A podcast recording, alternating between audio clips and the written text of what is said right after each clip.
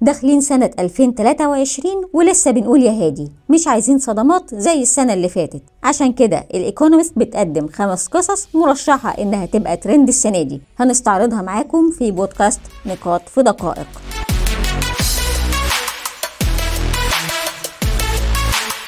واحد المخدرات علاج نفسي. عقاقير الهلوسة ممكن ما تبقاش مجرد مخدر في 2023 حتى مخدر المس ممكن يبقى علاج لمتلازمة اضطراب ما بعد الصدمة في أمريكا. التجارب عادة عبارة عن ثلاث جرعات من المس وبعدها جلسة علاج مع دكتور أمراض نفسية. واحدة من التجارب في شركة بابليك بنفيت كشفت إن 88 من المشاركين اتحسنت أعراض متلازمة اضطراب ما بعد الصدمة عندهم و67% من المشاركين ما بقوش مؤهلين أصلا للتشخيص بيها.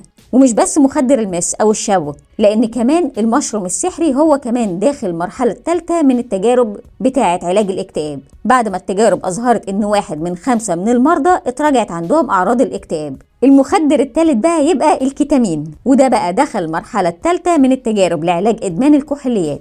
86% من المشاركين في التجارب قدروا يمتنعوا عن تناول الكحوليات بعد ست شهور من العلاج وفعلا بتقدموا عيادات زي أواكن للمرضى اللي عندها لكن ممكن نشوف تصريح بالاستخدام العام في بريطانيا السنة دي.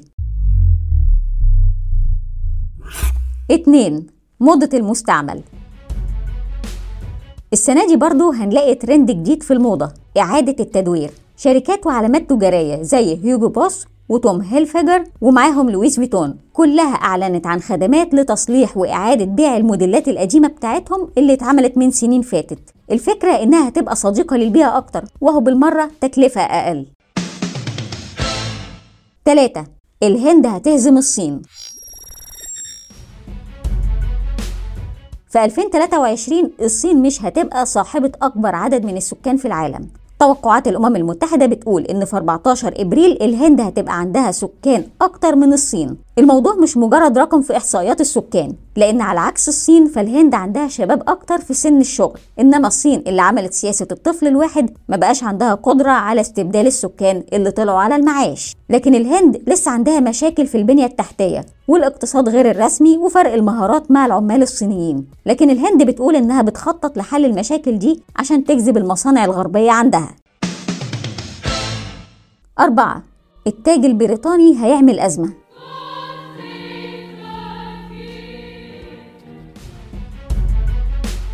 لو لسه مش متعود على إن الأمير تشارلز بقى الملك تشارلز فهو هيبقى ترند جامد في شهر مايو لأن ده ميعاد تتويجه رسميا وهيبقى في يوم 6 مايو. لكن مش هو بس اللي هيبقى نجم الترند لأن زوجته كاميلا كمان هيتم تتويجها كملكة والتاج اللي هتلبسه عليه كلام كتير من دلوقتي.